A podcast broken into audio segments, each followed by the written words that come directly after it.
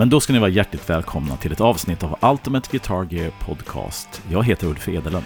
Och jag heter Fredrik Heghammar. Yes. Och det här är då det sista avsnittet innan vårt lilla sommaruppehåll va? Ja, men eh, absolut. Och mm. på förekommande anledning eh, av eh, avsnittets namn att döma så behöver vi lite break för att få lite inspiration. Alltså ja, jag. för idag ska vi nämligen snacka om lite grann om vad man gör när man ibland kan tappa sugen lite grann och inspirationen tryter och sånt. Och vi ska även snacka om lite riff. Fölster har fem riff som man kan kolla på i sommar Precis. eller bara få inspiration ifrån. Och sen ska vi då dessutom kolla på i veckans pryl eh, Benson Monarch. En riktigt cool stärk. Härligt. Ja. Men det är bara att hänga på. Vi gör det. kör vi. Ja, Fredrik, det här är ju intressant. Eller, vi, har, vi har ju berört det här förut, det här med det här med inspiration och, och eh, att man tappar sugen ibland till sitt instrument och mm. sånt av lite olika skäl. Och eh, vad, man, alltså vad kan vara orsaken till det hela och hur kommer man på banan igen? Lite grann så här. Det ja, men, absolut. Mm. Eh, juni månad har i, i det här huset i alla fall varit ganska hektiskt. Mm. Eh, och det första som får ge på foten eh, faktiskt är är gitarren, mm. tyvärr. Mm. Eller det, det, ja, det blivit så i alla fall nu i, i juni. Mm. Eh, och då har det varit ganska ångestframkallande att eh, gå in här ja. eh, och se det här som står här. Eh, om man liksom försöker ta sig lite tid och sitta och klinka mm. någon grej hit och dit. Men ja, häromdagen så kände jag så här, nej nu fan skiter jag i det här. nu stänger jag dörren och går, eller nu säljer jag. Kasta nyckeln. Ja, men mm. lite så. Och det, mm. det, är en hemsk känsla, för att det här är mm. ju det bästa man vet. Mm. I alla fall jag. Eh, och jag vet liksom inte eh, om det är någon självspäkan eller vad det nu är man håller på med. Men jag, jag vet inte. Det, men har du känt så att nu, nu skiter jag i det här liksom? Alltså, ja, jättemånga gånger och eh, det har lite olika skäl. Det du beskriver det här med att man har stress i sin vardag som gör att man inte får något lugn. För att för mig är ju att, att beroende på vad man, är, vad man gör någonting, jag menar, repar man och ska gigga någonting, ja, men då har man en rörelse framåt i det, så att säga. Men om man har de här, du och jag är ju som weekend warriors och våra weekend eh, slagsmål eller strids är ju ganska, det är inte så jätteofta vi gör det, så att då blir det ju mer som att det blir en, att, att man gör någonting i vardagen. Och för min del är det lite grann så här att när den hektiska vardagen har lagt sig och kvällen börjar infinna sig, att kunna gå sätta sig ner med gitarr och sen så spela någonting där, det är väldigt skönt. Det är som en avkoppling för mig. Men är man lite stressad, det du beskriver dig, är om man har en hektisk vardag där man inte riktigt kanske får den här tiden på kvällen eller inte kan liksom varva ner, så, så har man inte, så, så, så har jag varken liksom tid rent fysiskt eller lugnet psykiskt att få det här. Fast man borde ju göra det för att det är då man lugn infinner sig oftast. Ja, exakt. Så kan det också vara. Liksom, att det blir lite mer, lite mer terapi. Man får tvinga sig till det hela. Precis, men jag tror också i vårt fall så är det ju så att eh, det går i cykler det här med hur mycket tid man kan lägga på saker och ting. Men mm. eh, eftersom vi spelar samma band också så är det ju, och oturligt nog så är det ju att alla har väldigt mycket samtidigt. Vilket mm. också kan vara turligt i och för sig. Mm. Men det kan ju gå en månad när vi inte repar eller spelar ja. eller någonting sånt. Och då ja. är det ju verkligen, då, då är det svårt för mig att hålla motivationen uppe. Ja. Och det är klart att eh, det kan vara kul med prylar eller vi poddar och det är alltid roligt. Mm. Men, men, men emellanåt så känner man så här, ja men man har ingen gas på någonting, man spelar inte, mm. det är bara tiden bara rullar på, man öppnar dörren eh, och ser massa härliga gitarrer som man får ångest över att man inte använder. Mm. Ja, ja, precis. och då bara, ah och det här, det här knyter ihop lite grann med förra avsnittet jag hade där vi snackade om gas. För att det finns, alltså där du, där du skriver det här, man går in i ett rum och man ser de här grejerna som man lagt ner väldigt mycket tid och pengar på för att, för att anskaffa sig. Och sen så, så känner man att man inte riktigt har tid eller man har inte riktigt energin eller någonting gör att man inte kan att man inte kan försänka sig i det här som man har som ett stort, stort intresse. Och ehm, och jag tror att det har ju prylvinkeln på det hela och sen har man då spelvinkeln på det hela. Och, mm. och den ration eh, tycker jag också är för lägger man för mycket fokus, jag kan säga så här, om man lägger för mycket fokus på att spela så är det bara bra. Men vi har ju, och jag tror många av oss lyssnare också har förmågan att man lägger väldigt mycket fokus på grejerna. Och när det tar för mycket fokus från spelandet, då kan jag ibland känna lite ångest och lite grann det här med att man inte kommer vidare. Och då blir också, då blir också det här med prylarna inte lika, riktigt lika roligt, utan för mig personligen är det att hitta den här balansen mellan att lira på grejerna och att nörda på grejerna så att säga. Absolut, mm. eh, och, och, för mig är det ju det är likadant också, men eh, jag bryr mig ju väldigt lite om grejerna jag spelar. Mm. Eh, det har det varit hela tiden. Att det är liksom, då lägger inte jag ner någon tid på att sitta och researcha och, och dyka ner i saker och ting. Det, mm. Då är jag liksom i spelet. Ja. Eh, men just som den här perioden har varit så har det varit varken eller. Ja, det. det har inte varit något... Jag, jag, jag har inte ens kollat på, på YouTube. Nej. Förstår du? Ja, jag fattar. Ja. Men det faller också ihop med att jag eh, jag är eh, late bloomer på Game of Thrones. Ah, okay. Jag är stress, jag är, eh, under två veckor har jag kollat åtta säsonger. Oh, så att det har ju också med det. Jag har stängt ah. av helt det här med musik, eh, gitarr framförallt. Mm. Eh, och det har jag nog inte mått så bra av tror jag. Nej. Och jag tror också det här med att, att jag tror att gitarren och att spela och att, att att komma in i det här mindseten, att det kräver lite energi och det kräver tid och det kräver lugn. Och du sa ju precis det här, det bästa avkopplingen, just när man är stressad uppe i varv och inte hunnit så mycket, är ju det, då borde man sätta sig ner med gitarren en timme och bara låta stressen rinna av en och bara immersa sig i själva liret. Jag tycker det är svårt, men när man lyckas med det så är det ju faktiskt, det är ju en form av terapi. Men, men, men eh, jag tror att man måste ibland liksom ge sig tid att, att ja, göra men, det. Ja, men det handlar ju med mm. allting. Mm. Men det är också så här om man får gnälla lite grann, och det var ju det som var lite tanken med det här avsnittet också, att få ventilera det här med när man tappar sugen helt. Det är väl också, det har varit jävligt varmt nu, Eh, går man in och sätter sig i ett litet rum och försöker spela gitarr en liten stund eller, eller för den delen står i replokalen. Man är som dykare. Mm. Liksom. Det är inte heller så himla kul. Liksom. Nej. Nej, men, och, och jag håller med dig, den här extrema värmen gör att man, att, att man inte riktigt får lugnet. Jag, jag kan ibland bli stressad av värmen så. Men om man säger så här, alltså vad, du säger tappa inspiration, när man tappar sugen lite grann. Um, och du snackar om att det både spelmässigt och prylgrejen. Mm. Att, att liksom helt enkelt... Men, du, om, men det du säger, det du härleder ifrån är brist på tid, vara uppe i någonting annat, nah. känna viss stress. Eller är det bara en om man skulle gå till roten till det onda då, vad, vad är det som gör att du känner det här? Liksom? Vad, vad, är det som, vad är det som uh, gör det? Om du hittar några orsaker. Nej, men tiden, tiden är absolut, men sen mm. tror jag också att man... Eh, jag själv har ju gått i sådana cykler liksom. Mm. Eh, att, men det är väl det, är det här liksom... Eh, jag gillar att göra nya grejer som du vet. Mm, mm. Och när det blir för vanligt så, man, man rutin, ja, då, då, tappar man ju lite sugen. Då gäller mm. det att hitta, hitta nya saker. Mm. Eh, och när man kanske, som vi pratade i förra avsnittet om gas, man har uppnått sina mål och hittat dit, vad, och, och, så kommer det liksom ingen... Det kommer liksom ingen eh, gnista till något nytt. Nej. Om man kollar man, på de här man blir bara irriterad när man kollar på någonting man tycker fan det är bara gamla, samma gamla skit. Som bara liksom återförpackas. Ja, ja, men precis. Det är liksom mm. så här, åh, ge mig, ge mig något nytt. Ja. Typ, eller... Men, men jag vet inte, jag, hade, jag har, har jag haft en svacka en gång eh, där jag under en längre period inte spelade egentligen någonting. Det är inte riktigt sant, men det var väldigt, väldigt, väldigt lite. Det var ju när jag mm. bodde i New York. Ja. Eh, att jag liksom... Ja, det fann, där fanns det inte tid. Nej, och då, och då andra sidan var ju ett helt annat fokus på ditt, ditt arbete säkert. Absolut, det ja. var det. Men jag hade mm. ju gitarrer där. Ja. Eh, och jag hade prylar och det var egentligen sista året där som jag började... Jag spelade med något band någon gång och, och, och höll på och liksom började byta mm. prylar. Mm. Eh, men eh, Ja, det var ju också en väldigt tråkig period tycker jag, eftersom det har blivit en stor identitet. Mm. Men det, jag tror att det är också det som är... Eh, nu, vi gör ju det här med podden och spela och allt. Allt mm. som vi har med instrument att göra gör ju i alla fall jag, och jag tror att det står för dig också, är för att det är kul. Ja.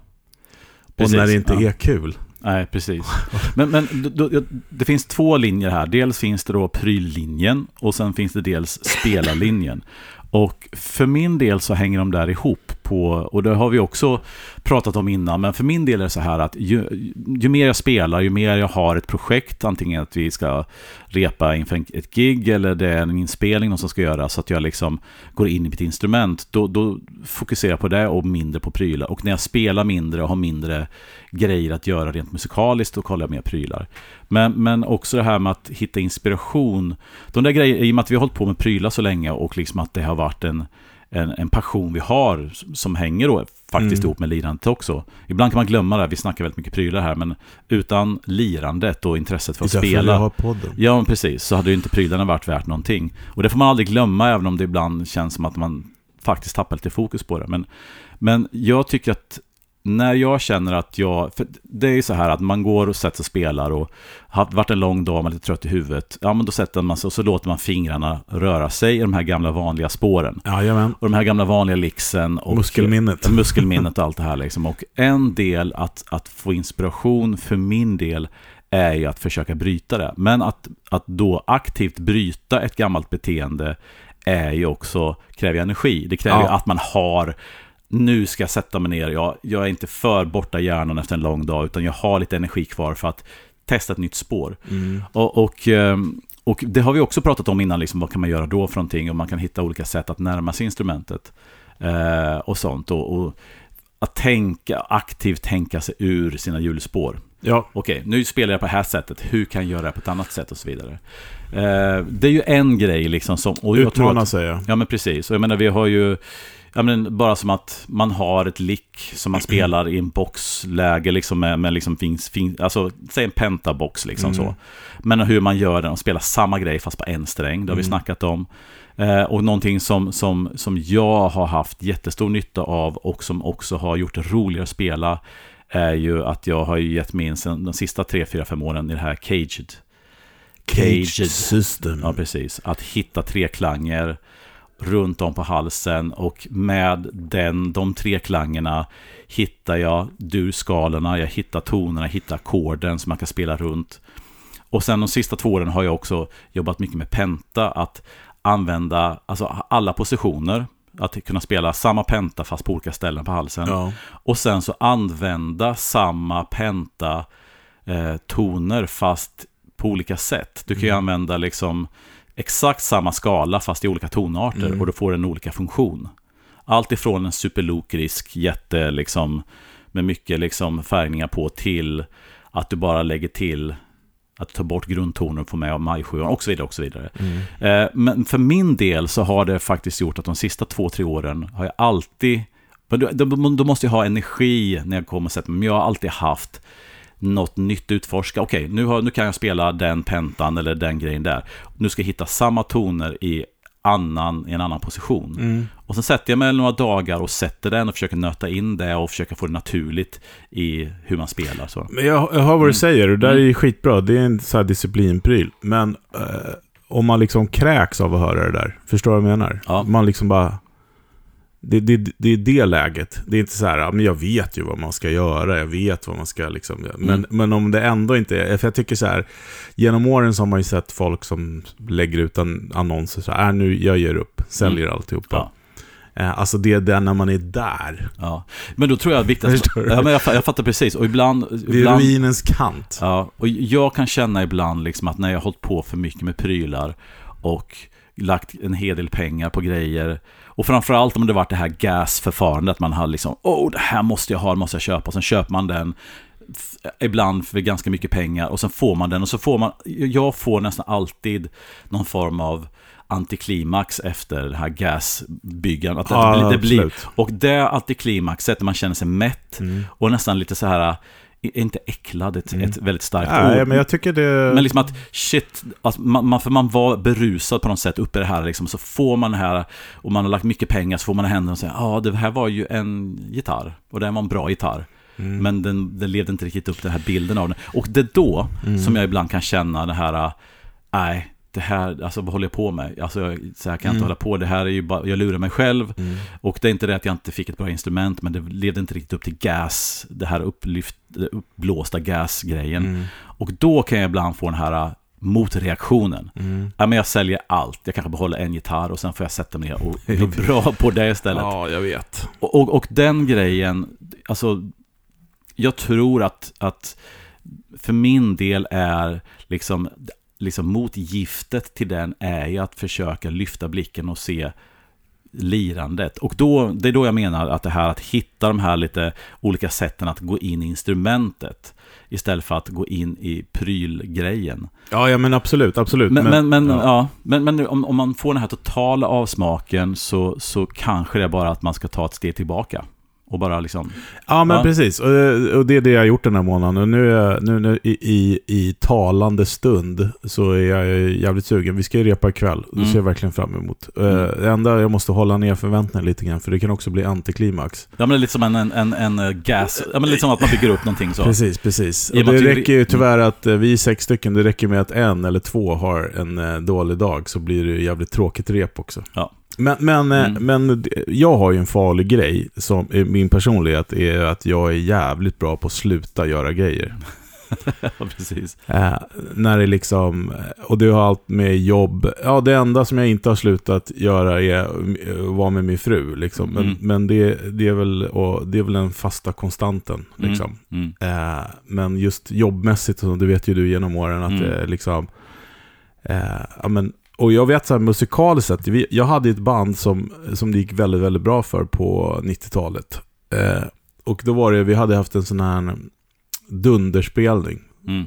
på Gotland. Och alla var glada och så satt vi där hit och dit. Och så, så jag bara, ja ah, men skål allihopa. Så här, det här var sista gigget med bandet. Och alla bara, what? Nej, ja, ja. Då hade du funderat ett tag och... Ja.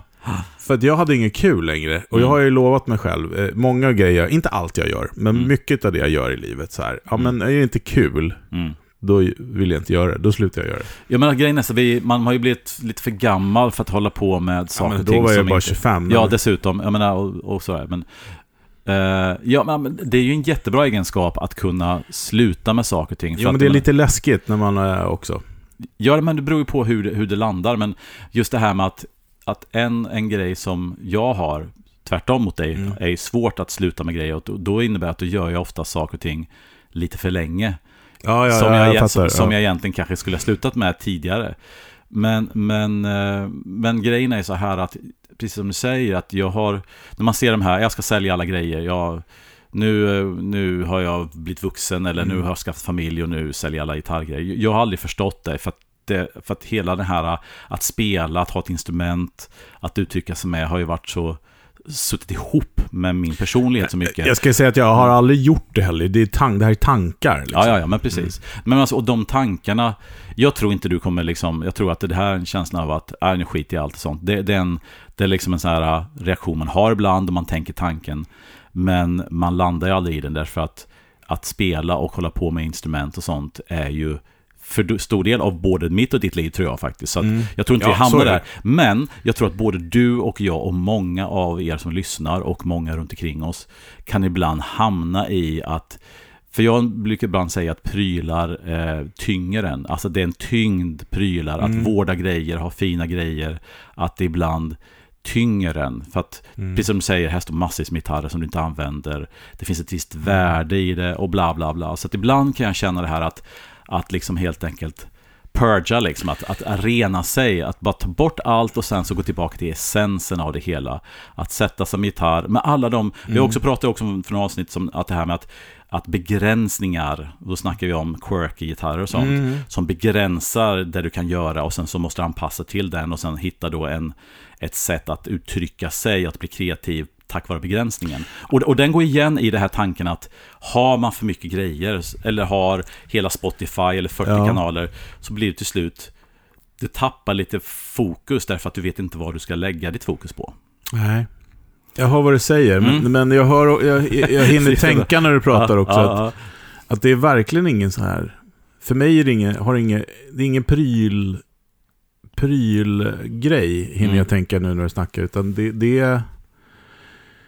det är nog liksom inställningen och, och, och liksom det här utövandet. Så jag känner mig, alltså det är klart att jag blir påmind om att Mm. jag har investerat mycket tid eh, och kapital i det här. Vilket gör att eh, på det positivt sätt är svårare att ge upp. Ja. Mm. Men det är inte det jag har känt den här månaden, utan jag, jag har känt mig liksom fed up. Du vet när man till och med nästan blir så här irriterad på kommentarer man ser, eller man ser klipp, eller man hör folk säga saker i poddar eller på Mm. YouTube. Man bara, åh. Jag är, så, jag är så trött på Mm. jargongen, Mm. på snacket. Alltså trött på sig själv. Ja, ja. För vi föder ju det här. Ja. Eh. Och det är likadant, faller ihop lite grann också kanske med, med, med jobb och sånt också. Man Mm. så här, går in och kollar på andra som snackar om det. Som, jag jag är ju en sån som pratar om saker hela tiden. Och så blir jag så här, åh fy fan alltså. ja. Man så blir, är man, man, själv det. man blir trött på sig själv helt enkelt. ja. Det låter ju som att du behöver ha lite semester. Ja, men alltså, jag har ju, liksom. eh, exakt, eh, Mm. jag har ju tagit mig ur det här lite grann också redan, så att jag är inte kvar i det. Så när vi bestämde att vi skulle spela in det avsnittet så har jag faktiskt eh, sakta men säkert lämnat Mm. den känslan. Mm. Vilket känns väldigt skönt. Jag berättade för dig när vi satte igång och poddar också att jag skulle beställa lite kläder på nätet och blev sur för att det var så lång leveranstid. Just det. Det var så här 3 juli, eh, liksom, och då är ju det bara om en vecka. Ja. Men, Men att jag trodde att vi, alltså den här juni har varit stökigt. Alltså. ja, du trodde att det var en månad bort. Exakt. Och det var fan en- varmt det är slutet på maj. Liksom. Ja, Eh, ja, men, men det, man är dum i huvudet helt enkelt. Ja. Men, men eh, eh, om man då ska vända på det här, mm. Eh, precis som du har försökt att göra och jag bara såg din mun röra sig. Mm. Liksom. När du pratade om cage system ja, ja och så här precis. saker. Ja, ja, ja. Jag bara, ja men det är precis därför jag inte har tappat sugen. Det är det inte alls det. Men jag ska gå och titta på musik. Mm. Det, jag behöver titta på musik. Eh, eh, och eh, jag behöver få den inspirationen. Prylar är jag inte intresserad av alls nu. Nej. Jätteskönt. Mm. Ing, inte någonting faktiskt som Mm. jag är sugen på just nu. Mm. Eh, jag är sugen på tid att gå igenom det man har. I morse låg jag bara, fan min Gretsch-gitarr, den är ju fantastisk, den måste jag ta fram. Ja. Liksom. Eh, så att eh, jag har sålt min Valiarch Ja, till exempel. Ja. Drömgitarren som har gått vidare till någon annan. Mm. Dröm, eh, någon annan som tyckte att det var en drömgitarr. Eh, nej men, eh, så det, jag ska lyssna på musik. Mm. Och sen så eh, ska jag... Jag tog en lektion med eh, Ford Thurston. ja. Denna gigant. Exakt. Mm. Jag var inte riktigt i form när jag tog den här lektionen, men jag spelade in den. Mm. Det är så bra. den ska jag ta Mm. några gånger i sommar. Mm. Eh, och eh, liksom... Ja, kötta lite, Ja. har jag tänkt. Ja. Eh, men framförallt ska jag gå och lyssna på musik. Eh, och jag vet att du håller på med ett litet projekt nu va? ja, alltså... ja, Som precis. hänger ihop lite med det här kanske. Du har Ja. gett dig själv en utmaning. Ja, nej men alltså det här, när jag börjar snacka om det med Cage, då liksom det här med att, att tänka musik på annat sätt. Så jag, det jag tycker också är roligt är att, att det finns lite låtar, stycken, det finns lite grejer som, som, jag, som, har, som har flyttat runt i hjärnan. Och sista tiden så har jag liksom, vet man, en sak är att det är massa ACDC-riff som, som man spelat, men fan gör jag det här rätt? Och det tycker jag att jag går tillbaka och lyssnar. Ah, okej, det, för de är, så, de är så smarta för att de, de gör små grejer i riffet som gör att det inte riktigt blir så enkelt som man tror det är. För de är väldigt enkla, men de, har också, de har en finess i sin enkelhet. Mm. Det har jag gjort. Men sen har jag också, det har ju funnits, alltså Mike Landau har ju då en, en låt från den här klassiska Tales from the Bulge Plug-plattan som heter I'm Bust. Yes. Som, som man alltid spelar på alla gig och som man alltid gör på olika sätt och sånt. Och den har massa komponenter i sig som jag tycker är väldigt coola. Den har liksom ett ganska coolt nedstämt riff och sen så har den då ett, en melodi med lite, du vet, man, med, med ackord där liksom väldigt mycket fingrarna spretar åt olika håll och, och alltså den har tre, fyra liksom delar i sig och jag har aldrig satt mig in i den där och tänkte, ja ah, men nu ska jag ha det som ett sommarprojekt att, att lära mig de tre, fyra delarna i den, Att- alltså lära mig helt enkelt låten och eh, få flytet i det. Och, då har, och då, det, det som är kul med det är att då har jag alltid, när jag sätter mig ner med gitarren och sen så lite trött i hjärnan och sen börjar jag spela mina pentabox-grejer så han säger, ja men just det, just det, jag skulle göra den här. Och då helt plötsligt så går jag in i ett mode där min hjärna och mina fingrar måste göra andra saker. Ja, just det. Och det är supernyttigt. så att, och sen har jag även, apropå, uh, heter han Ford Thurston? Eller Thurston Ford? Ford, Thur Ford, Ford Thurston. Thurston. Ja. Hade ju också en liten grej som, man, som, som vi snappar upp på en video som jag också haft som ett projekt liggande. Så att för min del så är det perfekt att ha eh, ett projekt, alltså, alltså, alltså spelmässigt projekt som man hela tiden har parallellt med andra man gör så att man inte alltid bara sitter och repeterar. Och då, då innebär det att Ja. då, då jobbar hjärnan lite på ett annat sätt när man hela tiden har någonting som man måste jobba, som, man, som inte bara är färdigtuggat utan man måste verkligen... Ja, men absolut. absolut. Ja. Så, så det, det har varit nyttigt för mig. Mm. Apropå det där riffet, Fords riff. Mm. Jag, jag spelade, alltså jag, jag kan inte exakt, men jag, han kommer inte ihåg det själv. Okej. Jag bara, vet du det där jättebra riffet? som Han bara, Mm. vilket var det? Ja men typ så här, han bara, Mm. det här var coolt. han. kommer inte ihåg. Nej, okej. Eh, nej, nej, men och det, och jag tycker det är en bra, och, och, och en kommentar på den här eh, um, Mike Landau-låten. Jag tycker den summerar ju han som artist, tycker jag. Ja, Det är ju han. ja. Och även eran. Ja, verkligen. Och ljud och allt. Ja, för den, den har, den, jag tror att han spelade in Tales from the Bulge var slutet på 80-talet. Så han Mm. hade hela sin stora rack. Men han hade också en eh, Marshall, en eh, José-moddad Marshall tror jag faktiskt var. Mm. Som han spelade så att han hade hela det här eh, smöriga trip, three chorus. Tyler, ja, gitarr. Tyler, gitarr och sånt. Men han hade också lite mera Marshall-dist där det inte var så mycket sås på. Så att jag tycker att där, hit, där var en cool grej. Och sen är det instrumentellt och sånt. eh, och så. Eh, men så den, att ha ett, och det, det är inte alltid jag har haft det, men jag känner att jag måste nästan ha det, för att annars så hamnar jag i ett läge där jag bara sitter och repeterar saker och ting. Jag måste ha något projekt som tar mig ur hjulspåren. Liksom. Mm. Och, och för att det är inte något som sker automatiskt, utan jag känner att jag måste ha det liggandes där, som jag kan plocka fram. Det har varit nyttigt för mig. Absolut. Och sen Mm. eh, ett annat bra tips är ju looppedal. Eh, att ha, alltså, för Ja, det, ja. det gör jag ganska ofta. När jag liksom har ja, eh, men gått igenom något riff eller något licks eller något sätt, något, något, något sätt att spela någon skala på eller flyttat hit och dit så brukar jag i alla fall spela in kompet på, Mm. eh, på looper. Och sen så kan jag liksom sätta det i kontext. Mm. Det är så lätt att man tränar på någonting isolerat. Ja. Om du förstår vad jag menar. Ja, ja. Ehm, och sen så gäller det ju... Tyvärr är det väl så när man spelar live, fortfarande i alla fall jag, så hamnar man i gamla hjulspår ganska Mm. snabbt och glömmer bort de där nya grejerna. Därför är det bra liksom att typ inom citationstecken skriva lite solo, eller vad man ska säga. Eh, nej, men jag håller väl också på med det där. Och sen så blir man ju inspirerad av olika instrument såklart, att spela olika grejer och försöka hitta och... Bara så, ja, men som för några år sedan när jag började, skulle börja spela slide och sånt, och att man helt plötsligt var man tvungen att förhålla sig till ett helt annat sätt att spela på med andra stämningar och sånt. Också en bra grej. Men jag tänkte också gå tillbaka till det här med prylar, för att prylar kan ju i, i bästa fall verkligen ge inspiration. Och jag, jag ska bara liksom referera till det här, min inställning till det här, att jag har ju köpt de sista åren beställt eh, gitarrer. Mm. Som den här gitarren som har spesat den och fått göra som man vill. Och så, nej, men den här gitarren, det här kommer bli perfekt utifrån de spel som den har haft. Och i vissa fall har det blivit bra, i vissa fall blir det inte som man har tänkt sig. Mm. Men som du vet har jag ju ändrat inställning. Och, och, och när det sker, då kan man få den här mätta känslan av vad håller jag på med. Liksom. Mm. Utan, och det jag skulle ha som projekt i 23 är ju att göra tvärtom, att Mm. låta instrumentet komma till mig. Istället för att tvinga sig på ett instrument eller beställa ett instrument Mm. och sen får man någonting som man själv har drömt upp.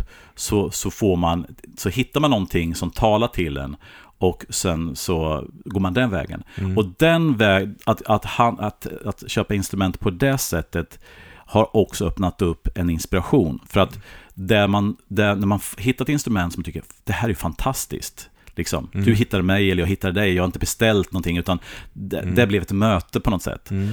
Då kan det också hjälpa till att inspirera dig. Mm. Jag tycker inte att beställa ett instrument kan inspirera, men det kan också bli så här. Det finns så mycket andra variabler i det Ja, men hela. Som inte, ja, men om man låter instrumentet bestämma, som min 345 har jag spelat jättemycket på hela våren här Mm. och hela sommaren. Därför att den hittade mig och den bidrog till att jag sitter och spelar på ett sätt som jag inte har gjort förut.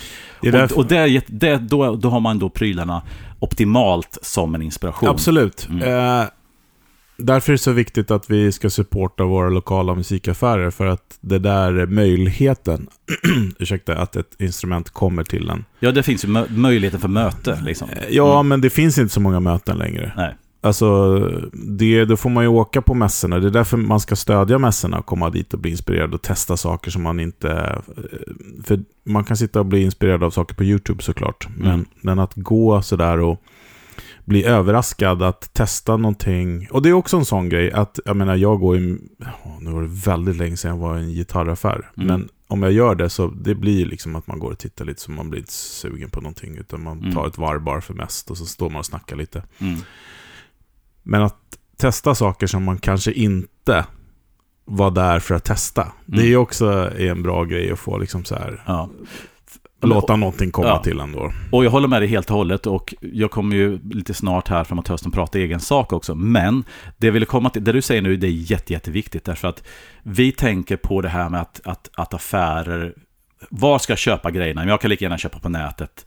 För det här har ju 30 dagars returrätt och sånt. Varför ska jag gå i en butik och sånt? Så att man tänker på gitarrer har blivit mer och mer hur man konsumerar. Att man köper någonting. Men det du säger och det jag säger, hur jag tänker nu, sätter ju verkligen fingret på det här problemet. Att om jag vill bli inspirerad, om jag vill, hitta, om jag vill att instrumentet ska hitta mig ja.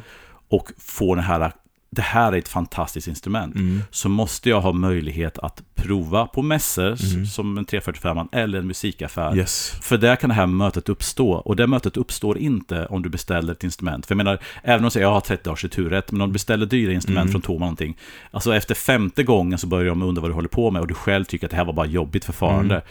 De här fem instrumenten skulle du kunna gått igenom på en timme i en musikaffär. Absolut, men jag mm. tänker mig också så här att om man är, nu tar vi Toman som ett exempel, det är väl jättebra om man ska köpa saker och ting, när man vet vad man ska ha. Mm. Eh, men och jag tänker mig då, men låt säga att jag ska köpa en strata, jag kanske beställer tre, fyra olika strater, säger mm. vi, för att jag har gratis returrätt. Eh, men då är det ändå så här, det är inte när du det är, det är inte så att om jag beställer tre strater så beställer jag den här Tascon eller den här Dan Electron eller den här Gibson också. Nej. Men det är det som kan uppstå när man går till musikaffär. Man bara, men fan, koll, testar den också. Så bara, holy moly, där var den. Alltså, jag som har letat efter en strata hela mitt liv. Ja. Liksom. Och grejen är så här, det jag tycker är roligt med en bra musikaffär, framförallt när man har varit där ett tag och lärt känna de som jobbar där, är att man kommer in i butiken så säger någon snubbe så här, du, den här gitarren ska du kolla på. Mm. Och sen så, räcker man fram gitarr som kanske eller kanske inte, men om du har haft kontakt med den människan och den människan har lite grann lärt sig vad du gillar och sånt, så kan du få, den grejen finns ju inte på webben på samma sätt, utan den här personliga kontakten med någon där som det har, har lärt känna en algoritm som håller koll på ja, vad ja, du men, gillar ja, men precis, ja, precis. Och det, som du säger, med AI och allting sånt så kommer det säkert dyka upp också, men, men det är också en grej att, att dels har du fler gitarrer du kan prova, men också att du har någon där som kan slänga in den här lilla lägger ut maskinen och bara får dig tänka helt annorlunda. Mm. Och det är väldigt smart också för att man går ju på det där, eh, eller man är tacksam för hjälpen, slash man går på det. Mm. Jag hade ju en sån här relation med David Merrick på estradmusik. Mm. När, hur, hur lyxigt var det inte när någon ringde och mm. sa du, vi har fått in en grej som jag tror kommer passa dig. Mm. Eh, då kom man ju dit och sen så oftast köpte man ju den. Ja, och, och jag menar, och, och, och huvud, oavsett om det är smart rent liksom... Smart David. Säljmässigt, eller bara om det är så smart rent i, i, i, vad du behöver för service liksom.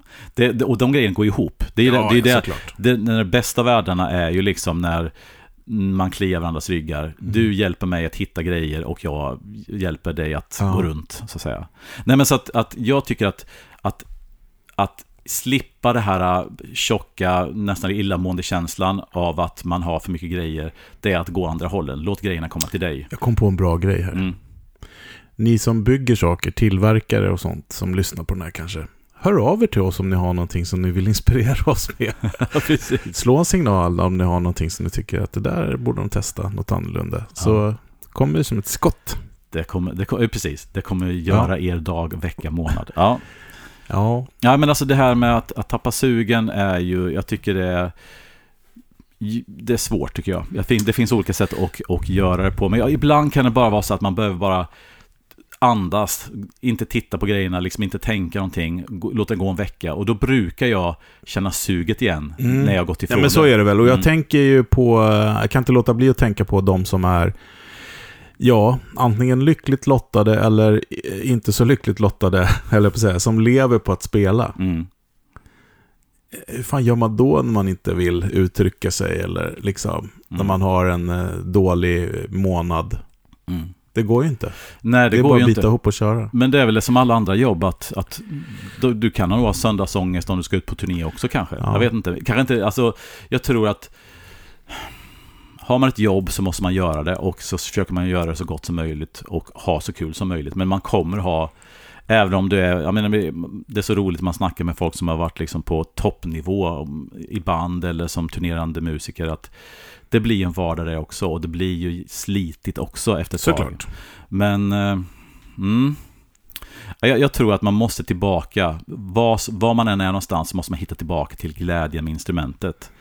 Och hitta de här, för att det är alltid så när du, fan det här, oh jag hittar, hittar liksom någonting sätt att spela på, någon sätt att närma sig ett ljud eller bara sätta sig ner och tänka, okej nu ska jag försöka spela det där jag hör i huvudet. Alltså små, små hjälpmedel som gör att man hittar det här, du och jag Alfred-känslan med, Mm. med gitarren liksom. Mm. Mm. Nej, men man får ta vara på tillfällen. Därför tror jag också att det är viktigt att ha ett instrument nära sig, oavsett vad det är. Mm. Man tar vara på den där stunden när den kommer, Mm. helt enkelt. Eh, och sen så som du säger, disciplinerat, sätta sig ner och köra kan ju vara bra också, i Ja. för sig. Nej, men det finns också låtskrivare som, som jobbar helt på inspiration, men nästan alla som jag läser om har ju, går till jobbet liksom. Ah, ja. Och sen sätter de sig ner och sen så jobbar med låtidéer, försöker komma fram i några timmar. Och inte, och inte låta någonting vänta på sig, så att säga. Nej, För då kan man få vänta länge. En del, och en del, en del kanske jobbar på ren inspiration, men jag tror Mm. att struktur, att ha någon form av tanke mm. eh, också i det här inspirationsgrejen. Eller varför inte bara ta en paus? Mm. Och inte vara stressad över det. Nej, men precis. För att det är väl det som är liksom att, ja men det där får vänta nu en, i, i sommar. För att det kommer inte gå ihop med semesterplaner, med det, med det, eh, med, eh, ja. Mm. Det, det, så kan det ju också vara. Absolut. Det, Absolut. jag vet inte hur du, men hur många gånger tar du med gitarrer på semestern? Det beror på vart jag ska någonstans. Mm. Men ska jag vara någon längre tid hos där jag liksom Ja. finns utrymme och sånt så tar jag ibland. Hur ofta tar du fram den när du har tagit med den? Ibland. Ibland så... Ja. Nej, men, ja, men, Nej, men jag har gjort jag har ja. släpat ibland, men det, Mm. det blir oftast att den bara ligger och Ja. då får man ångest över det. Har jag väl fått med den så tror jag nog att jag använder en del. Men kanske inte så mycket som jag skulle ha gjort. Men sen brukar den- jag brukar aldrig få plats med något instrument tyvärr. Nej, Det är, så, det är hundar, barn, det är skidor eller vad det nu är för någonting. Liksom. Det är packat. får skaffa en resegitarr. Ja, eller, eller ha en gitarr stashad i varje stad man kommer till. Just det, man bara gräver fram den. Precis. Mm. Nej, men alltså, kul att höra vad ni, ni som lyssnar här tycker om detta. Om eh, liksom att få den här... f- Får ni sån, som får en känsla att liksom, nej fan nu säljer Jag tror att skiten." alla får det. Ja. Och, och, och hur yttrar det sig hos er och vad gör ni för att komma underfund med det? Tar ni bara en paus eller gör ni någonting aktivt eller så? Det var kul att höra lite idéer hur Idéer och liksom in, intryck av det hela. Absolut. Vi, Mm. vi får se det här som en, en, en, en eh, bikt och en, eh, en eh, vad säger man? Eh, Ja, men vi går vidare helt enkelt. Ja. Men vi kommer ju ta ett, ett fyra veckors uppehåll Ja. i sommar. Mm. Eh, och då så eh, kan vi tänka så här, hur ska ni göra i sommar? Ska ni, ska ni ta ett uppehåll från era instrument eller ska ni chatta på när ni har tid? Mm. Mm. Det är spännande också att höra. Eh, och som sagt var, hur, hur hanterar ni känslan av att nu skiter jag i det här? Ja. Och får ni den känslan överhuvudtaget? Ja. Eller låter det helt som ett främmande koncept? Ehm, vi tror inte det, men kul att höra vad ni tycker. Ja, Apropå främmande koncept. ja och Mm. apropå inspiration för Ja. att komma vidare. Ja. Här kommer han, mannen i södern. Yes.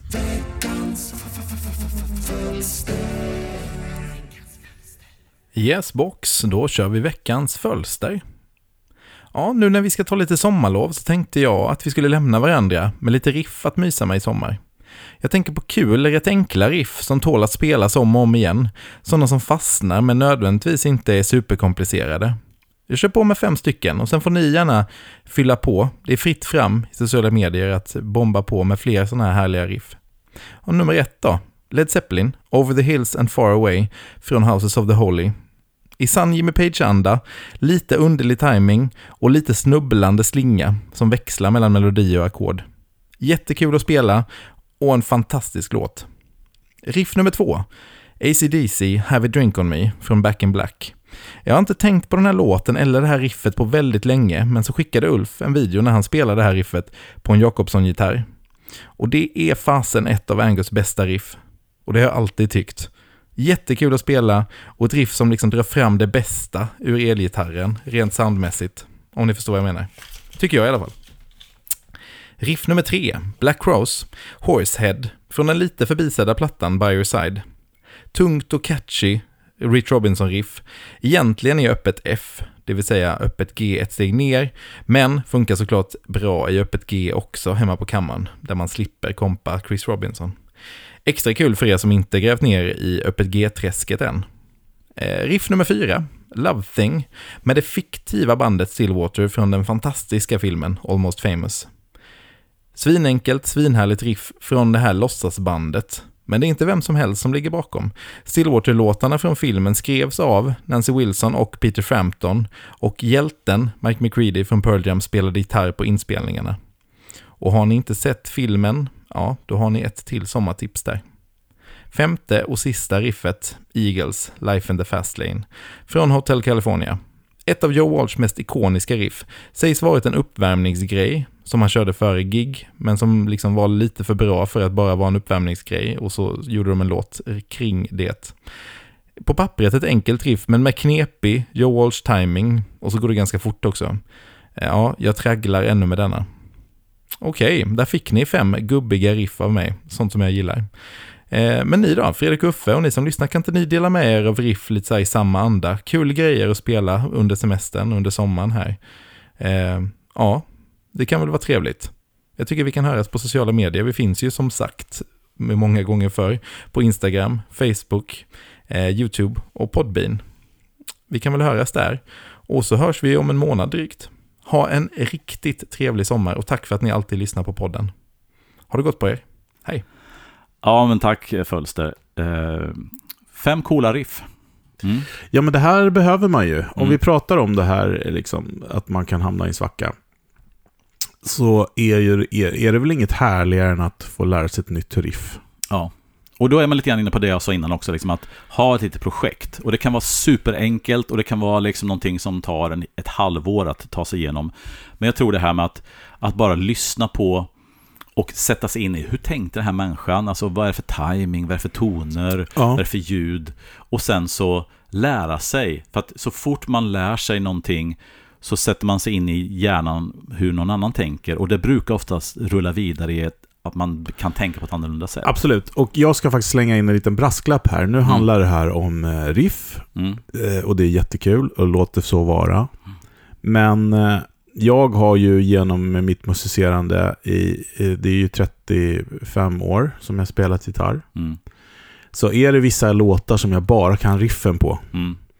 Så då är det en rekommendation att titta på hela låten också. Ja, För absolut. att eh, när man hamnar i en situation där du behöver leverera på hela låten, det kan ju Mm. vara så. Man Mm. kan den där för man kan riffet. Mm. Eh, då, är det, då kan det vara eh, en, en kul grej att veta helheten. Ja. Mm. Och en pryl som jag tycker är väldigt viktigt när man lär sig någonting är ju att, att och det kan vara olika skäl varför man kollar och lär sig ett riff till exempel. Men det jag tycker är roligt är att bara inte lära sig ett riff ungefär. Utan jag vill, jag, när jag går in i och lär mig någonting så tycker jag det är li, riktigt, vi, lika viktigt att man, att dels att man får rätt toner förstås, att, att alla delar i riffet är rätt. Och den har inte att göra med att rätt ska vara rätt, utan någon har lagt ner tid för att, att, att spela in det här riffet och haft en tanke med det. Och jag, då tycker jag att man, att man bör kolla på den så man får allt rätt. Men sen också timing. Hur, hur, hur drar de i riffet på något sätt? Går det snabbt, långsamt? Är det några Ja, toner? Fölse snackar ju om Zeppelin där. Det, Ja, men det precis. får du jobba bra på. Och, och, och Zeppelin och Page är ju ett klockrent exempel därför att det finns många som är exakta i sin sätt att spela, som är ganska enkelt, är på beatet hela tiden. Det som är svårt med Page är ju att, att han spelar, många tycker han spelar sloppy, att det är liksom slarvigt. Men det är också en stil, det är precis som Keith Richards och alla de här. Absolut. Att, och ska man då spela det, och då säger ah, men jag kan spela det här riffet och jag kan göra rätt. Nej men det blir ju inte rätt, för du gör ju inte så som du har tänkt. Det är därför det sällan låter som det. Exakt. Och jag menar, det kan stämma, det kan vara någon sur, han bänder något, det blir lite småsurt eller, eller det blir ett så här tafflig timing som man tycker. Och redan där så, ja men okej, försök spela på det här sättet då. Det är ju mycket, mycket svårare än att spela innan situationstecken Ja. rätt. Mm. Men jag ska också säga att många av uh, Zeppelins kändaste riff Mm. eh, mår inte alls dåligt av att spelas eh, i pocket heller. Nej, nej, absolut inte. De funkar rätt bra. Nej, men alltså, Det, och- blir inte, det låter ju inte eh, Page, men det, ibland kan det låta bättre. Nej men precis, och, och ska man själv spela det så kanske det är lättare att spela det på sitt sätt i ett band som kanske har lite mera annan timing. Men det jag menar är att om man ska lära sig någonting, om man ska lära sig något lite mer, så är det att då tycker jag att man ska gå in och försöka hitta imperfektionerna också i ett riff, för att det är del av personligheten. Och då kanske man lär sig mer än man bara spelar på sitt sätt. Mm. Eh, och så. Men har du några coola riff som, som så här? Som, men jag tänkte på det här, eh, alltså, jag, massa coola riff, men jag tänkte också lite grann på så här riff som man liksom både är coolt, men att man kan få ut lite, eh, ja men som är bra att öva också. Eh, Mm. Och då tänkte jag på, första tänkte jag på Still of the Night med Whitesnake. Ja, just det. Det är liksom, Ja. ja, den är bra Mm. att, att öva på tycker jag. Mm. Så att Still of the Night, eh, riffet, absolut. Mm. Eh, och sen tycker jag ju också uh, The Purple Burn. Ja, S- Låter jätteenkelt när man hör det bara, men... Supersvårt. Jag har sett mm, massa olika versioner att spela den. Mm. Men, men det är ett coolt riff. Ehm, ja, men jag börjar med dem. mm. Vad har du för, för riff? Jag, jag tänkte på ett riff som vi faktiskt har spelat i vårt band som jag tycker är ascoolt, som både har, som ett coolt riff, som har då utmaningar rent timingmässigt, och det är Omission. Eh, Det är då med ett band som heter Magpie Salute, som är då Rich Robinsons band, som han hade parallellt när då eh, Black Rose låg nere. Mm. Mark Och- Ford var med också. Mark Ford var med, det var ett fantastiskt band. Och eh, Sven, Sven Pippien också va? Också en Mm, gammal Black ja. Rose-basist. Mm. Ett halvt Black Rose kan man säga. Eh, och The Omission, det som är coolt med den är nedstämt riff. Jag tror det går i F, tror jag, riffet är va? Mm. Så, han- och han har drop F-variant, tror jag, på gitarren. Mm. Eh, men jag den... kör den drop D. Ja, just det. Ja, men så kan man också göra. Och det kanske så han gjorde också. Mm. Men den går i F och den har, den är, det är coolt. Den har ett, den har ett sväng, den är, det är ett brutalt, det är, eh, ja, den har många sådana grejer. Ja, verkligen. Eh, och sen om jag ska ta ett till så är ju- man måste nästan, för mig då naturligtvis nämna Van Halen, men jag kommer inte ta något, jag kommer inte ta något av de här eh, klassiska riffen, utan jag tar faktiskt en låt från andra plattan som heter DOA Mhm.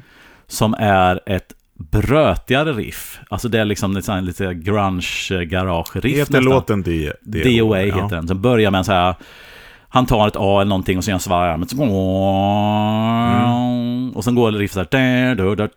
Ja, just det. Just Just det. Alltså, Ja. den låt som jag alltid hoppar över när jag var ung. För jag tyckte den var... Den var inte... Ja. Det var inte så här, så här... Vad ska man säga? Melodiskt på samma sätt. Mm.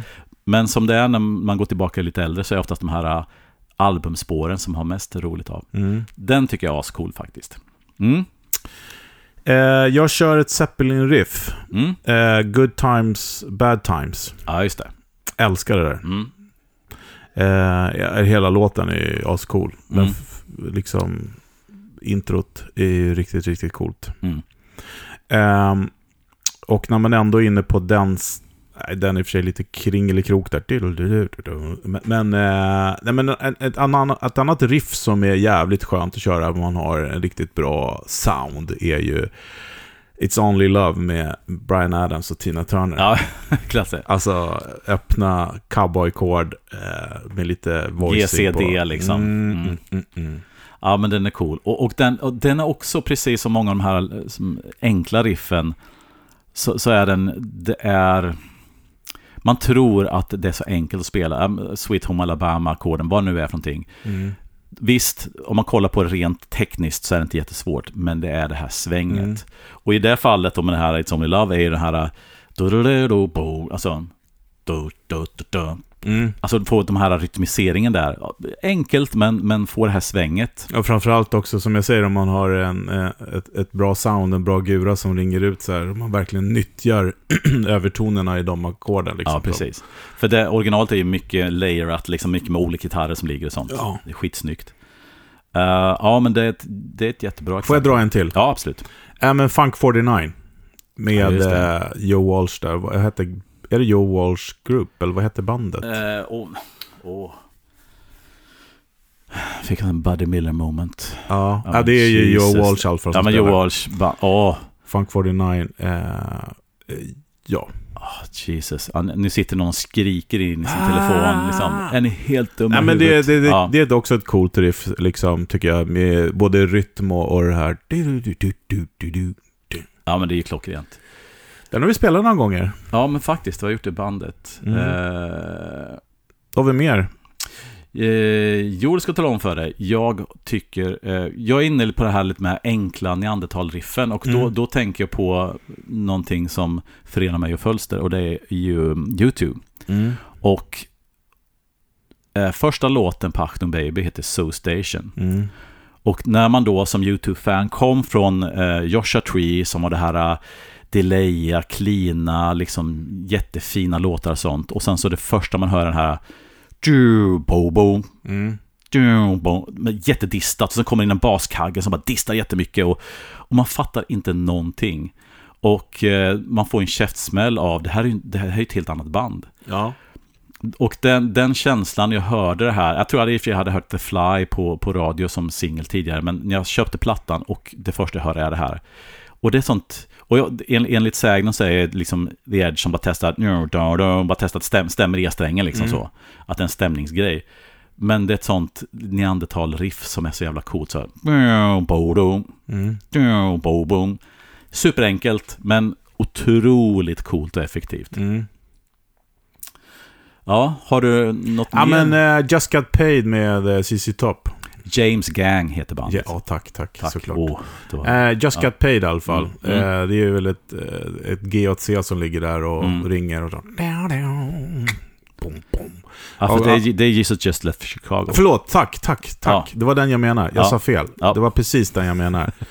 Eh, det är GOC va? Ja, exakt. Ja, ja. Eh, men eh, väldigt... eh, jag, jag höll på att säga enkelt. Det är allt annat än enkelt. Mm. Men uh, ser enkelt ut på papper. Men att få det att svänga sådär härligt. Alla Mm. de där Mm. eh, faktiskt är ju inte... Men nu en, eh, ett annat man ändå är inne på, det får väl anses som riff kanske då. Eh, Purple Rain, introt, eh, liksom med rätt ackord. ja, du måste spela rätt. Det är en, liksom. det är ja. en stretch-jumpa. Ja. ja, det blir ju nästan som ett riff i och med att det, liksom är sånt, det definierar låten, hela det här Ja, introt på något sätt. Både soundmässigt och ackorden så. Ja, och den är Eh. kul, den är kul att spela, för den får Mm. man jobba lite på, Mm. helt enkelt. Mm. Jag, jag, har no, jag, jag tänkte alltså en... Jag hade en sån riktig, riktig så här svacka för 10-12 år sedan där jag inte hittade någon musik. Jag, jag var i ett läge där att all gammal musik var gammalt och inget nytt tilltalade mig. Så hör jag faktiskt en, en låt på radion som, som på något sätt väckte till mig, skakade om mig lite grann. Och, eh, och då, det var eh, en låt med Slipknot av alla band Aha eh, som heter Psychosocial Mm. från den här uh, All Hope Is Gone-plattan. Och eh, det är ju en så här, uh, de, de, Slipknot är ett sånt där band som riktiga metal-nördar tycker är lite för mesigt och eh, vanliga liksom, hårdrockare tycker att de är för hårda eller någonting. Mm. För att de har det här klassiska att de har det här, en snygg, alltså en snygg melodi på refrängen och så har de growl-sång i versen och sen så brutalt riff. Men jag tycker att de gör det lite bättre än de många andra i den genren. Men den Psychosocial har också ett neandertal-riff som är stenhårt och eh, överhuvudtaget den låten fick mig att helt plötsligt gav, gav mig in på den typen av metal som då väckte upp någonting och så jag fick väldigt mycket inspiration. Inte till spelmässigt, Nej. men bara liksom att hitta, hitta någonting annat så. Så, så Psychosocial med Slipknot, Mm. det är ett ascoolt riff tycker jag. Tungt. Bre- breaking the law med Judas Priest. Ja, ja visst. Mm. Men okej, Mm. jag tar ett sist. Ett Mm. till. Eller Mm. du, får- du, om du har något mer får du gärna köra det. Mm. Men eh, det här vet jag, du har gett det på också för att ta ut som det är. Eller spela som det är. Inte ta ut, spela som det är. Mm. Det är ju Let the best man win med Louise Hofsten. Ja, just det. Astner i hög form. Det är ju så. Eh, Det är också jävligt coolt. Eh, Det är en bra grej att lära sig. Ja. För den har så många element i sig som man har nytta av i andra låtar. Och, och, eh, exakt, och den har jag ju, faktiskt det in, introt har jag ju, har man hört i så många år, jag till och med man har gett sig på den eh, och spelat på den i någon cover-situation för många, många år sedan. Så det är också en sån där som jag hade för något år sedan, att okej, vad gör han egentligen? Mm. Ja, men jag kommer ihåg du höll på med det. Ja. För, att, för det är exakt samma sak som de här grejerna, så att han gör små grejer som jag har skitit i att göra därför att Ja, det låter ungefär så här. Och det som jag tyckte var roligt att gå in, vad är det han egentligen gör? Nu vet jag inte om man får till det exakt, men att verkligen liksom göra det med, som det låter som, med, med liksom fingersättning och allting Mm. sånt. För att får man till den, då får man också till den här känslan som Mm. Han hade från början. Mm. Men han, alltså Asner är ju, vilken jävla hjälte. Och det, Ja. det introt, som Mm. är någon form av ackord, Hendrix... Eh, Magiskt. Ja, är fantastiskt. Eh, det var lite roligt. Internet exploderade ju för ett par veckor sedan när eh, Lo, eh, Noel Gallagher var på That Pedal Show. Ja, När han visade ackordet i Wonderwall där som alla har tydligen kämpat med. Jag, jag vet inte, jag har aldrig spelat den låten någon gång i hela mitt liv, men Mm. Det var så här, åh, det är så han tar det. Nej men var, var det inte Champagne? Nej vänta, vänta, vänta. Det kanske inte var Wonderwall, det var någon låt Nej, som folk sa, en- oh, Ehm, du vet vad jag menar i alla fall. ja, jag vet vilken menar. Ja, skitsamma. Ja, det, det, ja exakt. Mm. Det, det var ett jättebra avsnitt. Ja, han var skön. Han är väldigt underhållande. Ja, Får jag ta ett sista riff? ja absolut. Ja, eller sista, sista. Jag tycker att Dogman med Kings X. Ja, den är cool. Åh, vilket coolt riff. Mm. Och cool låt. Den är underbar därför att du har alla, du har det här lite grungiga, riffiga grejen och sen har du den här poppiga sticket och eh, vet han Dog Pinnick heter han som sjunger va? Ja. Fantastisk sångare och Mm. eh, ja, den, den låten, jag kan tycka att gitarrsoundet och mixen är sådär men, men riffet och, och allt annat är Vart jag fan sugen på att lyssna på det, ska Ja. jag göra. Alltså, Mm. ascoolt riff. Och ni som inte har hört Kings X, då har ni missat någonting. Så börja med att lyssna på Dogman med Kings X. Mm. För jävla bra. Helt Fan vad nice. Ja. Men, eh, ja, ska vi gå vidare kanske då? Ja, jag kände, kan vi ta paus här så kan jag spela lite? Fick du inspiration? Ja, det men gött. Ja, Ja, men då har vi lyckats med någonting. jag. Eller hur? Ja. Eller hur? Här kommer veckans pryl. Ja, det gör vi. Ja. Veckans pryl. Ja, du Fredrik, då är det du som ska prata lite grann va? Ja, Mm. eh, och eh, vi har ju nämnt Van Halen redan. Ja, precis. Ingen Josh Smith idag blir det. Nej, det är inte... Han har ingen riff som jag går igång på i alla fall, riktigt sådär. Eh, Och nu har vi då tredje... ja, vi namnet ska som vi ska snacka Benson. Åh! Eh, och det är väl så här att man... Eh, ja, men ibland kan man ju ha omvägar till, eh, till eh, målet. Mm. Eller målet, ja. Ni förstår vad jag menar. Nej, men Mm. Det är nämligen så här, vi ska prata om eh, Benson eh, Monark. Mm.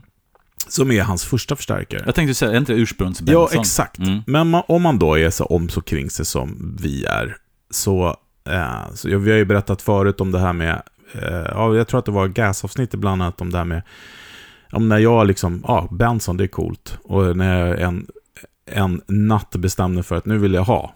Ja, just det. Inte bara, liksom, då hade det legat lågintensivt och så blommar det upp i full kraft. Lasersynen slogs på. Jo, men, Mm. och då har man ju läst, eftersom de har ju inte funnits att testa. Mm, mm. Det eh, de har läst och så det här ska du ha, det här ska du inte ha, och jada jada, och den där är för liten, den är för, och så- sådär. Så jag köpte ju en Chimera, Mm. min första. Den största, wattstarkaste va? Exakt, Mm. exakt. Och jag gillar den jättemycket. Men den är då en dubbel Monark kan man Mm, säga. mm, mm. Så att den har fyra slutstegsrör. Vad är en Monark då? då? Jo, men det är alltså... ehm, Chris Benson eh, jobbade ju på den här Verellen Amps Mm. som servicetekniker. Och eh, historien är ju, vi har gjort ett avsnitt om Benson Amps ju. Ja, precis. Det har vi faktiskt gjort. Den kan man gå tillbaka och lyssna på om man vill. Men Mm. det här är då en 15 watts förstärkare med två 6v6 slutrör. Eh, och en 5 AR4 rectifier helt enkelt. Mm. Eh, den har volym, eh, ton och den har en switch mellan brittisk och USA. Och det är intressant för att väldigt många, alltså Blackstar hade en helt tvärtom inställning på vad brittiskt och, eh, och amerikanskt var. Men traditionellt är det alltså mellan någon form av lite mer skopad blackface och något lite mer mid-forward brittiskt Marshall-variant. Är det det klassiska man menar? Ha, är det även så Benson tänker? Nej, Nej, det vet jag inte, för han säger inte riktigt det när man snackar Nej. om det. Men om man tänker sig Kimeran som jag hade, där var det ju då en, en kontroll, att jag kunde vrida den mellan de här steglöst. vilket jag egentligen föredrar. Nu är den här väldigt bra voicead. Och hela idén med Benson är ju att det ska vara den här enkla mm. layouten. Men mm. jag om jag tänker så här att Benson-förstärkarna har ju mer eh, tweed-arv än blackface. Okej, så när, när de snackar amerikanskt på så den här så tweed. är tweed mer än blackface? Ja, för den har ju en mm. mid som du har ju testat själv. Du vet ja. ju, den, har, den är ju väldigt närvarande. Mm. Uh, så att den har ju inte tendenser till uh, det här hängmatte alls. Nej, okay. Uh, däremot brittiska läget, då blir det liksom... Den tajtar till basen lite mm. grann, det blir lite crunchigare. Mm. Eh, och nu spelar jag faktiskt på Monarken spelar jag mest på USA, alltså Amerika-läget. Mm. Eh, för jag tycker att eh, den, den, den, fyller till basen lite grann och mm. jag är väl vant med det efter jag spelat eh, Magneton ett tag här. Mm. Som är lite fetare. Mm. Eh, men som sagt var, väldigt enkel eh, design det här. Lit, en sån liten eh, box, om så. Att, alltså nästan så här, nästan så att det blir en eh, så här bröd, inte riktigt brödroststorlek, men mini, mini topp. Mm. Eller liten topp, om man säger så. Precis. Mm. Eh, och den är ju byggd med, eh, ja men, väldigt bra delar helt, helt enkelt. Mallory, liksom kondensatorer och point-to-point och hela den här ja. balletten. Alltså det är ju liksom det här ursprungstänket att korta sig signalväg med så lite grejer emellan som möjligt. Ja. ja. Så vo ton, volym och en American eh, British switch. That's it. Och sen så högtalarutgångar. Har du så du kan sätta åmantal eller har du... Ja, du kan välja på eh, 8 eller 16. Okej. Okay. Mm. Så att det, det är det som man har att jobba med. Jag spelar den här in i en 1.12-låda. Jag har ju eh, toppen. Mm. Eh, och sen så har jag ett separat reverb då, som de har gjort också, som heter Tallbird. Och då kör du in gitarren i reverbet och sen reverbet, och, och med reverbet kan du, dra, kan du boosta lite grann? Jag kan boosta in. med den, ah, absolut. Okay. Mm. Eh, och den är ju byggd, det är så här short tank reverb, så den är ju byggd för att ligga före. Mm. Jag har i och för sig testat den i loopen på en del starka, det låter bra där med. Det är ett mm. väldigt, väldigt bra reverb tycker jag. Men det, halva grejen är att du kan, att du kan använda lite grann som en liten preamp eller jag någonting. Jag kan, kan det, precis. Mm. mm. Eh, när jag fick Kimeran så tyckte jag att den var lite basig i soundet. Mm. Eh, det var ovant att man hade liksom hela tonregistret, men för att jag, även om det upplevdes som att det var lite rundare sound. Mm. Jag, jag gillar ju topp, konfettitopp som vi pratat om. Eh, jag tycker att den här monarken har lite mer topp. Mm. Eh, faktiskt. Eh, och de har ju en modell som heter Earhart som jag har pratat om förut. Som är, som är ännu mer så Ja, den är ju ja. byggd som en AC15. Ja, just det. Mm. Men det här är liksom ursprungsgrejen. Och det är lite kul också med Benson-förstärkare, det är att alla har samma preamp. Mm. Eh, mer eller mindre. Mm. Eh, alla modeller han gör eh, utgår från den här monarken. Så att det, det var därför jag sa att man har gått liksom full circle. För att jag borde ju ha testat monarken först. Men nu fanns det inte att testa. Nej. Utan jag hade Kimeran och jag har haft Earharten, jag har testat Vinnin som är den där lilla. Eh, ja, det är de jag har testat, precis. Mm. Eh, men kan, och, ja. Mm. ja, men förlåt jag avbröt, men skulle man kunna säga så här att, eh, att det här har, du har hittat ditt happy medium? Alltså, den har, all, den har mycket av det du gillar från de andra i ett, i ett För den har lite mer sprill än Kimeran. Den har mer liksom umf och lite mer headroom än vad Earharten har. Mm. Uh, känns det som att du har hamnat liksom, att du, det jo. här är den perfekta Benson-förstärkaren, eller? Ja, men lite så faktiskt. Mm. Uh, för att uh, Kimeran har lika mycket, vet du vad, vad du nu använder för ord? Diskant, Ja, sprill. sprill, Ja, men den behöver mer volym. ja, okej. Eh, Den här är ju svagare, så den kommer ju snabbare. ja. Du Så- får den här kom- kom- kompressionen och övertonen Exakt, tidigare. liksom. exakt, ja. exakt. Nej, men jag tycker att det funkar bra. Vi har ju repat med det och sånt. Jag har inte spelat live med den än, Mm. men det borde funka. Men du använder de här förstärkarna som, som en cleana plattform. Du har inte, du distar dem inte nästan någonstans, nej. utan de är bara rena helt Ja. enkelt. Och så använder du automatoner och så vidare. Alltså Precis, det blir väldigt högt annars. För, Ja. för att även om det bara är 15 watt alltså, så är det ju... Mm. It's loud. Har du testat dem med någon attenuator någon gång och se om Eh, den har ett in, en inbyggd crunch som skulle vara användbar? Ja, men absolut. Eftersom den Mm. har... Jo, det har den. Eh, men jag gillar inte att spela Teenator. Nej. Men det har jag testat. Mm. Eh, och eh, det låter inte, låter inte illa alls. Nej. Nej. Men det är inte riktigt där som kanske... Är det vad, vad har Benson själv tänkt? För man hör nästan aldrig de här stärkarna gå så pass starkt eller med den inbyggda grejen. Man, man hör dem nästan bara som eh, pedalplattformar. Ja, men de är ju lite crunchy. Alltså de är ju Mm. inte helt rena från noll heller. Mm. Det upplevs ju... Det, det, det är det här liksom som jag tycker är speciellt med de här förstärkarna också. Någonting som vi försökte anamma med Insulander-förstärkarna när jag byggde den. Det är att liksom så här, ja men det är rent. Ja, fast det är inte det. Det är ganska hot. Så man får de här övertonerna. Exakt. Jo, men det, det är lite grann det som jag tycker är att ska du ha en clean plattform stärkare så tycker jag att då ska det vara en starkare som, precis som du säger, den ska ha de här kompressionerna och de här övertonerna även på lägre volym där den inte liksom crunchar hårt. För att en av orsakerna till att man drar på en Marshall är att du får kompression och övertoner först när du börjar få slutsteget att Mm. cruncha. Så att det är ju att, att kunna ha en clean plattform men ändå ha de här komponenterna med på låg volym. Absolut. Och, och Och det jag, tycker jag den lyckas väldigt bra med, med Insulander faktiskt. Att, och, ja, men absolut. och, även, och Benson låter jättebra på så sätt. Ja men Mm. precis, jag tycker ju Benson är en liksom, för mig är ju det en eh, refined eh, tweed Mm. deluxe helt enkelt. Mm. Som eh, inte fladdrar i basen, har liksom rättat till frekvensen lite grann. På gott och ont för vissa såklart, Ja. men för mig på gott. Ja. Helt enkelt. Eh, och som sagt, jag spelar den i en eh, G12H, eh, ett element. Just det.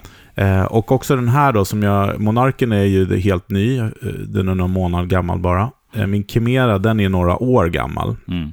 Och den har, an, den har andra transformatorer än, än de här. All right. För att under pandemin så fick de byta. Och Okej. eh, Chris tycker ju att de nya är bättre. Det är klart att han tycker det. Men, det, Ja. men de görs lokalt Okej. i, i Portland då, Mm. USA.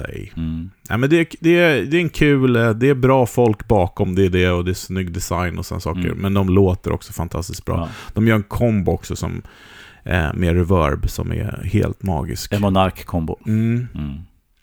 Bra grej. Så Benson Monark. Cool ja, men stark. pre- precis. ni får väl höra av er om ni vill testa. Och så har jag ju då den här Chimeran med en 212 som jag eventuellt kanske kommer släppa. Vi får se. Mm. Och ni får hålla span. Och ni som är sugna kan höra av er. Mhm. Eh, jag har inte bestämt mig än. Men eh, just nu så har jag lite för mycket förstärkare. Ja. Igen. Vem har inte det? ja, exakt. Ja. Ja. du vet ju hur det är. Mm. Eh, men du, Ja. eh, vi ska ta semester. ja, Mm. och eh, jag hoppas att ni som lyssnar kan ha möjlighet att lyssna i fatt alla avsnitt som de missat. Ja, Vi är uppe i 124, är det ja så? det här är, står 124. Ja. Så att eh, ni som troget har lyssnat har ju liksom, kan ni slappna av och slippa oss ett tag. Och ni Ja. som inte har lyssnat på allt har ju liksom hela sommaren framför Men glöm inte bort oss. Precis. Vi kommer tillbaka i mitten på augusti eh, med eh, nya färska avsnitt och förhoppningsvis lite inspiration innanför västen som gör att vi kan köta på. Påfyllt under sommaren, absolut. Ja, Mm. och det kommer ju bli en händelserik höst. Absolut. Det kommer bli en extremt händelserik och hektisk höst. För oss bägge tror jag. Ja, men eh, som vi ska ta med er på en liten resa kanske. Ja, men precis. Ni får helt enkelt hänga... Vill upp er nu och sen så kom tillbaka. Det är den 15 vi har nästa avsnitt. ja, jag tror det är någonstans där. Ja. 15 augusti. Mm. Och eh, så får ni kanske lite mer nyheter då. Mm. Mm. Och det kan hända att det kommer en post eller två på, på sociala medier Ja, eh, under sommaren här. När, när, när eh, andan eh, faller in. Men ha en skittrevlig semester hörni allihopa så hörs vi framöver. Det gör vi. Ha det Ja. fint. Hej då. Hej då.